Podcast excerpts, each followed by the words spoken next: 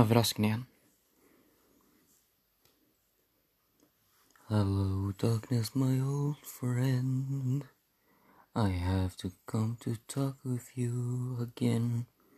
Because a vision softly creeping left it descending while I was sleeping. And a vision that was planted in my brain still remains within the sound of silence. In restless dreams I walk out alone, narrow streets of cobblestone, never the hollow of a street lamp.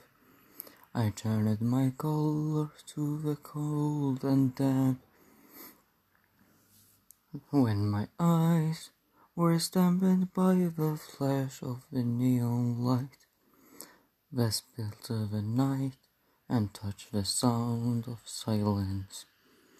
And in the naked light I saw ten thousand people, maybe more.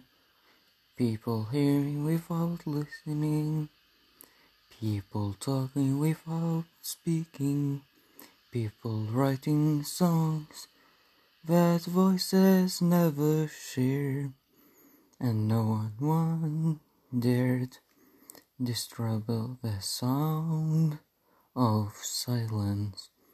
Full side eye, you do not know. Silence like a cancer grows. Hear my words that I may touch you. Take me arms so that I reach you.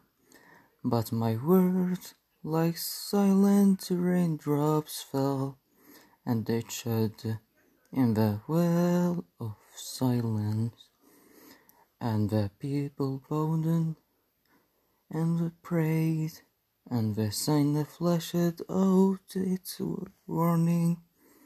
In the words that it was forming, and the sign said the words of a perpetual writing on subway walls and tenement halls, and whispered in the sound of silence.